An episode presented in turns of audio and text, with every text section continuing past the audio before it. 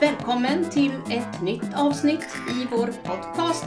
Kristina här och idag så kör jag själv för en gångs skull.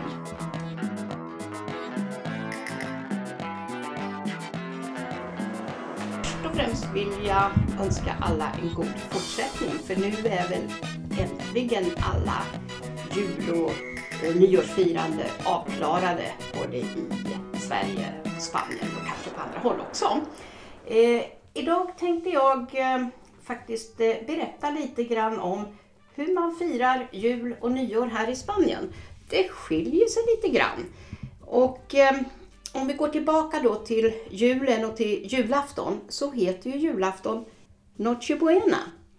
Och eh, eh, ni kanske alla har sett eh, bilder och filmer som jag har gjort där man firar på juldagen här. Det är alla möjliga nationaliteter. Det brukar vara en 2-3 tusen människor som samlas på stranden och man tar med sig grillar och utemöbler och alltihopa och sen sitter man där och äter och pratar och sjunger och sen får man också en underhållning. Det brukar vara någon blåsorkester och, och några som eh, ja, eh, livar upp det hela. Eh, I år var det otroligt varmt. Vi hade väl en 24-25 grader i skuggan och det gjorde ju då att hela La Senja-stranden fylldes. Det var mer än 10 000 människor som sa, jag har aldrig sett så många där någon gång. Till och med en del spanjorer var ute och eh, firade tillsammans med oss. Annars är det mest engelsmän. Men som sagt var, alla nationaliteter. Ehm, I Spanien normalt på julen, och då är det Noche Buena, då brukar man samlas hemma ungefär vid nio tiden på kvällen. Och då sätter man på TV. Att man gör det, det är för att då ska man lyssna på kungen, Juan Carlos, för då har han sitt julbudskap. Han lyckönskar alla spanjorerna och han sammanfattar även året som har gått. Det tycker jag är en väldigt fin tradition. Det har ju vi i Sverige också när man får träffa kungafamiljen och de berättar också om liknande saker. Fantastiskt trevligt är det.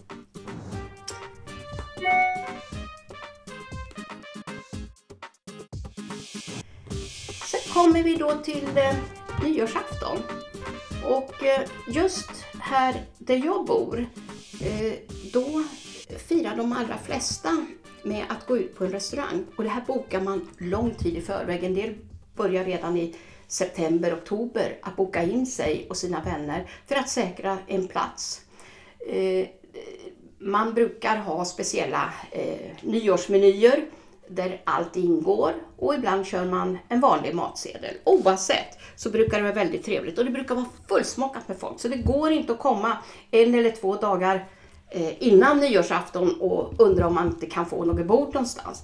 Och det kan vara lite svårt också att eh, hitta något matställe öppet och gå in och äta på bara sådär.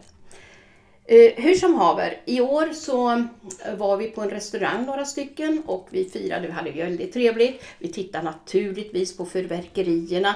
Det är ju enormt vackert när alla de här fina färgerna och stjärnorna och vad det nu är som kommer ner från himlen och faller ner. Och speciellt om de kommer upp och lyser upp havet. Det, det, det är en speciell känsla. Allting gick väldigt bra och trevligt till. Vi åt och drack och var väldigt glada och trevliga och så ska vi promenera hem. Jag tycker det är jättebra när man har gångavstånd och slippa ta bilen för då kan man ju inte dricka någonting. Det gäller i Sverige och det gäller även i Spanien. Men i alla fall, då hände det en sak när vi var på väg hem. Då ser vi en kvinna stå på gatan och helt plötsligt rasar hon ner och trillar mellan en jättehög trottoarkant och en bil. Och vi hade fullt sjå att få upp henne på benen och, och sånt här. Och, ja, hur som helst, det, det gick ju bra och så hennes man visade sig vara i närheten också. Men det jag upplevde lite olustigt är det att man är så berusad att man inte kan stå på egna ben. Och det här var inga spanjorer. Det var inga engelsmän. Och det var lite beklämmande att se. Jag hoppas verkligen att det gick bra för dem. Eh, jag ska inte hänga upp mig på det, men det var ett lite tråkigt avslut på en fantastiskt trevlig, underbar kväll. God mat och vin och glada rop och sång och glada människor. Men så kan det vara ibland. Det uppträder väl även i Sverige idag.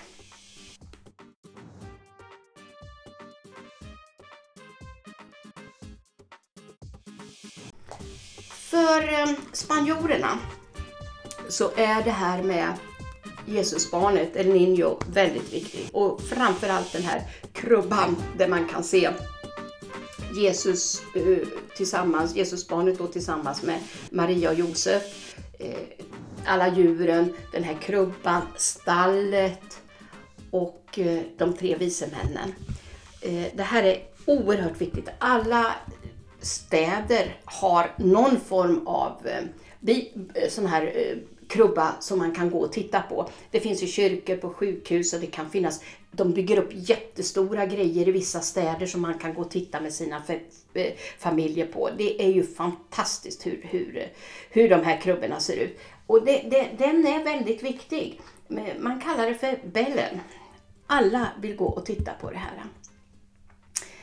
Ehm, jag tänkte också ta upp eh, att eh, nu idag så är det trettondagen.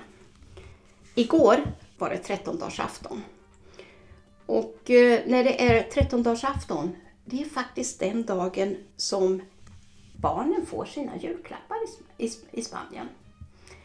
Och det brukar vara så att traditionen är väldigt stark att barnen ställer ut sina nyputsade skor, antingen i fönstret eller utanför förstukvisten. Och sen lägger man ut lite turon. Det är en, speciell söt sak, väldigt söt sak med mandel och så som man brukar äta här i, i Spanien. Tillsammans med lite vatten eller mjölk. Och det är för att när de tre vise männen, för det är de som kommer med presenterna, när de kommer så ska de få ork och energi av att besöka och glädja andra barn. Sen måste man tänka på kamelerna, de kanske också behöver ha lite vatten och hö. Eh, när man vaknar sen på morgonen, då får man se om man har fått någon julklapp eller inte. Och det får man ju naturligtvis om man varit väldigt snäll. Och har man inte varit snäll under året, då får man några kolbitar i sina skor och det kanske inte är så roligt. Så det är ju väldigt viktigt att vara snäll under hela året, det förstår varenda unge här. När man har då trettondagsaftonen som vi hade igår, då är det två stora händelser som är oerhört viktiga. För barnen åtminstone. Då kommer de tre vise männen. Och här heter de Los Tres Reyes Magicos. Och de heter Baltasar, Gaspar och Melkor. Egentligen i Bibeln finns det inget namn på dem. Men man har gett dem några kunganamn från den tiden. Och kan vi säga, vi säger ju alltid de tre vise männen. Men i Orienten, där säger man att det var tolv stycken som kom. Men oavsett så kommer de tre vise männen. Och de kom ju med gåvor till Jesusbarnet, eller hur? Och det var ju guld, och det var rökelser, och det var myrra. Idag så är det ju helt andra saker man önskar sig. Och mm, som jag har berättat tidigare så är jag ju med i Rotary. Och vi jobbar ju med diverse projekt för att hjälpa eh, olika människor i vissa situationer. Det kan vara som vi pratade om översvämningarna vi hade förut. Det kan vara här och hjälpa barnen som är sjuka och som är fattiga. Och hjälpa familjer som inte har det så bra. Och nu är det en tradition här att man köper julklappar. Alla Rotary-medlemmar i vår klubb köper två julklappar var. Och så ska man lämna det till barnen som ligger sjuka på sjukhuset. Och i år så fick jag äran att överlämna de här julklapparna till de här kungarna, de här vise männen. Och det här var ett projekt som vi drev och vi gjorde det i samarbete med en Rotaryklubb i Oruela. Så i år skulle vi åka till ett sjukhus som heter Hospital Vega Baja. Och det ligger mellan Oruela och Almoradi. Så vi lämnade över ett 40-tal julklappar. Och barnens ögon de lyste ju upp och det var riktigt spännande för dem för att öppna alla dessa paket. Men det jag förvånades lite av, det var att när vi höll på att gå och lämna en del av avdelningen för att gå på den andra delen, då kom det in ett nytt gäng med tre kungar som också skulle lämna julklappar. Stor glädje till alla barn naturligtvis, de fick ju jättemycket. Här kanske man skulle ha samordnat lite bättre. Men eh, barnen blev säkerligen jätte, jätteglada. För de barnen som inte får sjuka, eller är sjuka och ligger på sjukhuset, då går man ut på stan. Alla städer och större orter, de har en parad och det heter Kabelgata. Alla är ute och tittar på denna paraden med eh, religiösa motiv och lite annat och då kommer också de tre vise männen. Los Tres Reyes Magicos. Och då brukar man kasta ut godis till alla barnen. Och alla barnen är så jätteglada och nöjda över detta. Så det är ju fantastiskt vilket julfirande det är.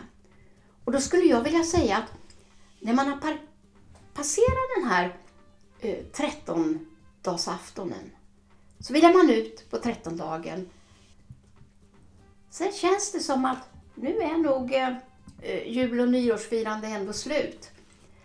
Jag har faktiskt ingen aning om när man tar bort alla julbelysningar och julgranar, alla dekorationer, alla de här julgirlangerna som hänger ute på gator överallt. I Sverige är det ju 20 Knut. Men här har jag ärligt talat ingen koll på det. Oavsett så är det fantastiskt att få vara med och uppleva sådana här saker. Och jag tror jag nämnt det tidigare också att man jobbar väldigt mycket med välgörenhet. Jag är med i lite andra eh, föreningar som också samlar in julklappar och lämnar till de som har lite sämre än andra så att de kan få bra mat på julen och få lite julklappar och sånt där. Och det tycker jag är jättebra. Jag kan säga att jag känner inte igen det här i Sverige lika starkt som jag känner här i Spanien. Många gånger finns alltid anledningar att hjälpa människor. Eh, nog har vi väl även sådana här second hand-affärer där man lämnar in eh, kläder som man inte längre använder. Det finns ju här också naturligtvis. Men här går man faktiskt ut till familjer, till barnen och hjälper. Man eh, går ibland in och handlar i affären. Då står det hjälporganisationer och då ber de om man kan köpa en påse med mat eller en, en, en påse med eh, skolmedel, läroböcker, kritor, pennor och sådana här saker. Och de behöver också ha ryggsäckar när de ska gå till skolan och sådana saker. Och då kan man göra det som... Det finns alltid möjligheter att hjälpa alla dessa barn och familjer. Och det tycker jag är jättefint att man gör.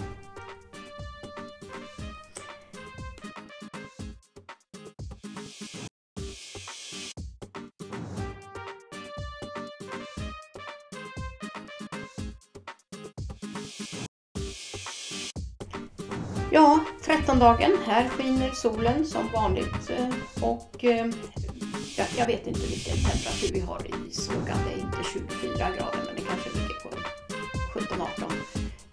Jag har en rätt så stor trädgård där jag också kan vara i lä och när man sitter där i lä då kommer temperaturen upp till en 30 grader kan jag säga. Och det är rätt så skönt att ligga där ute och koppla av och sola och så här. Så jag tänker nu ehm, byta om, ta på mig min bikini gå ut i min trädgård, plocka lite vissna blad och blommor och sen ska jag lägga mig där och njuta av dagen. Jag tycker det är så viktigt att man får den här egentiden att eh, koppla av och inandas alla dessa fantastiska dofter från mina växter. Jag har ju mycket växter som jag sagt tidigare. Och sen kommer jag att ta en promenad till min son och vi tillsammans kommer att gå på en upptäcktsfärd. Det var en granne här, en vän som upptäckte en väldigt stor fågel som fanns inte långt härifrån. Tänkte, vad är det för något? Så vi var där och tittade. Det är en stor berguv och han verkar vara tam. Han sitter inne på staketet på deras veranda. Och han bryr sig inte om när barnen är ute och leker och hoppar eller någonting. Men jag är helt chockad och förbluffad. Och där sitter han. Han har ju inte några lädergrejer på ben eller kedjor eller någonting så han är fri. Men då undrar vi, är han vinklippt eller vad är det? Det är inte så roligt att se det. Men nej, han är så stor och imponerande vacker. Så jag sa det, nu måste vi gå dit och titta på honom, hur han ser ut. Det kommer bli jättespännande för, för min son Sebastian. Och annars kan vi säga att eh, jag önskar att vi får ett fantastiskt härligt år framför oss. Mycket glädje, solsken i hjärtat och i sinnet.